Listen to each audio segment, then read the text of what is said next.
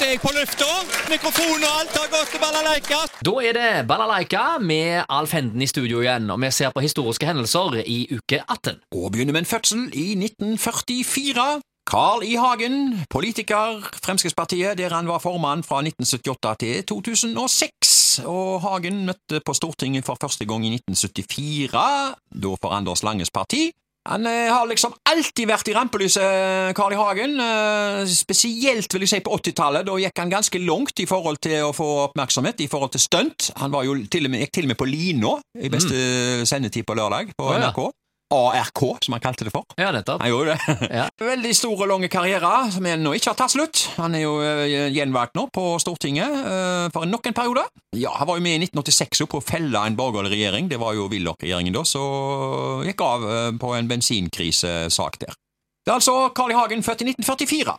1930 Kjell Bekkelund født, norsk klassisk pianist. Allerede som femåring så spilte han piano, og som åtteåring så spilte han sammen med Filharmonisk Selskapsorkester. Eh, Kjell Bekkelund ble kjent for sin karakteristiske alpehue, ja, den hadde han alltid ofte på seg, også de tjukke brillene, som var jo selvfølgelig alltid på nesetippen der. Eh, Så ble han jo kjent for sine mange avskjedskonserter, jeg lurer på hvor mange det ble. ja, det er Ja. sikkert en del, ja. Og eh, når biografien kommer, kom om han, så hadde jo den tittelen Tramp i klaveret. Ja. Uh, og jeg tenker litt her tilbake på en sketsj, uh, ikke med Kjell Bekkelund som eh, frivillig deltaker, for å si det på den måten. Han skulle spille um, klaver eller piano, eller hva det var, han, og så kommer vaktmesteren inn. Ja, ja. Trond-Viggo Torgersen. Ja. Hadde lagt noe unna, noen klosser unna, ja. unna så tangentene der, så, eh, Ja. så uh, stokka seg litt for Bekkelund. Jeg vet ikke hvordan han tok det. Nei, altså, det virker jo som om ikke han hadde fått beskjed om dette. på Nei, han har ikke fått beskjed om det på forhånd. Nei. altså. Så plutselig kom vaktmesteren der, og det Ja, ja. pianoet hans. Humor, humor. Ja, ja. Ja. Eh, hendelser internasjonalt. 1968. Franske studenter og lærere maner til generalstreik, og denne streiken den utvikler seg jo til åpne gatekamper, ikke minst i Paris. Og apropos Paris, eh, 1994. Togforbindelse mellom Storbritannia og Frankrike. Kanaltunnelen ble tidlig åpna av dronning Elisabeth 2. og president Francois Mitterrand. Tunnelen er jo på 50,45 km og går under Den engelske kanalen. Ja, Mm. Togforbindelsen Har du altså testa den? oppretta i 1994. Nei, det har jeg ikke gjort. Nei. Forholdet med Rennfast. Ja, ja. Ja, jeg har testa Rennfast. Ja, ja, flere ganger. Og nå kommer snart Rogfast òg, som Ja, ja, ja. er sikkert enda drøyere. Eh, lokale hendelser, da. Vi tar kino her i uke 18. 1997, på Edda, gikk filmen Kolia, tsjekkisk film. Det sto i Kina-annonser. Han ønsket seg en bil, men fikk et barn. Kolia ble vinner av Golden Globe for beste utenlandske film der. Så gikk filmen Dantes Peak, en katastrofetriller med Pierce Brosnan og Linda Hamilton. Og så tar jeg en film til. En fiende iblant oss. Den hadde norgespremiere der. Kinoannonser sto det I en verden fullt av terror, hvem kan du stole på?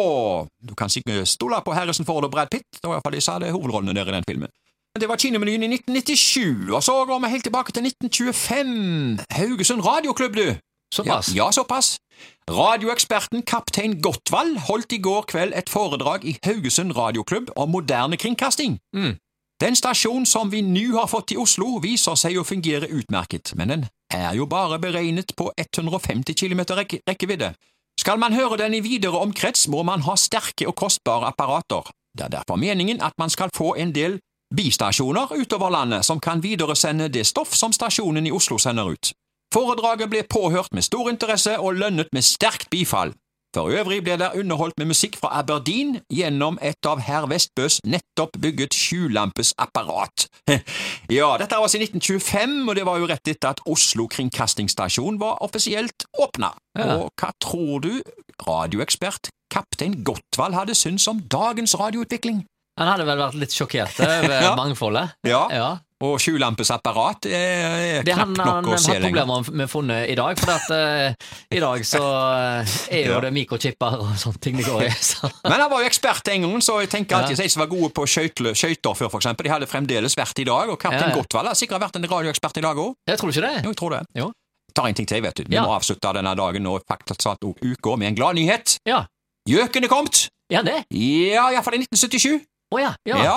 På denne dag. Jeg siterer overskrift i Haugesunds Aviser. Gjøken har kommet. Og så skriver jeg videre, leser, jeg- leser videre her. En begeistret haugesunder kan fortelle at den populære snultefuglen ga seg til kjenne med sine karakteristiske uhu. Var det likt? I, i Søre bydel tidlig i dag morges. Han hørte eh, det med sine egne ører sammen med sin kone, og var ikke et øyeblikk i tvil. Det var selveste gjøken. Ja. Det skal innrømmes at vi er noe mer i tvil. Var ikke dette vel tidlig? Men så viser det seg at Aschehoug leksikon slår fast at gjøken lar seg høre fra begynnelsen av mai i Sør-Norge og fra ca. 1. juni i Kirkenes. Og da så? Ja, et bedre vårtegn fins vel ikke enn at gjøken er blitt hørt. Nei, det er viktig, det. Men hvordan ser gjøken ut? Den ser ut som en gjøk. Ja, eh, ja for der, der sier du noe. Altså, det er jo et negativt eh, karakteristikk. Altså, du ser ut som en gjøk, eller han gjøken der. Ja, Det er ikke sånn populær, det er ikke noe fint å si. Nei, nei, nei. Men eh, Du vil helst, ikke være en gjøk. da lurer jeg liksom på hvordan ser gjøken ut. Jeg har faktisk talt eh, Det er helt sant, jeg har ikke kommet på å tenke ut hvordan den ser ut. Nei, nei, altså, men du treffer jo på en del gjøk. Ja. gjøken der, ja. Ja, ja, ja. Ja. Men altså, da føler jeg bare én ting å spørre om. Ja, om gjøken er kommet? Gjøk om våren! Hot or not? Ja, jeg må jo bare si det er hot. Det må være hot. Ja.